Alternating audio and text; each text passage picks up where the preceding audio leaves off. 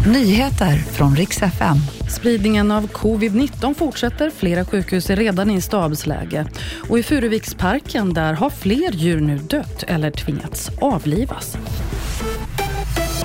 Vi ska börja med larmen från sjukvården. Igår berättade vi om flera sjukhus som redan gått upp i stabsläge. Och idag gick Folkhälsomyndigheten ut och varnade för en kraftig ökning av covid-19. Och det kan bli värre. Toppen väntas i januari.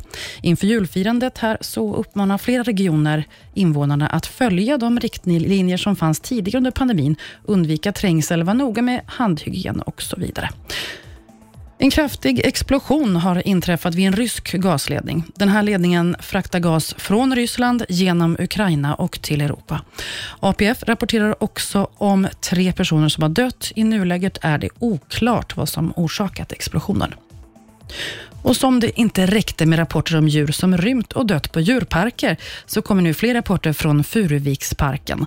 De förrymda schimpanserna har nämligen också bitit en rödlistad sköldpadda och den har nu fått avlivas.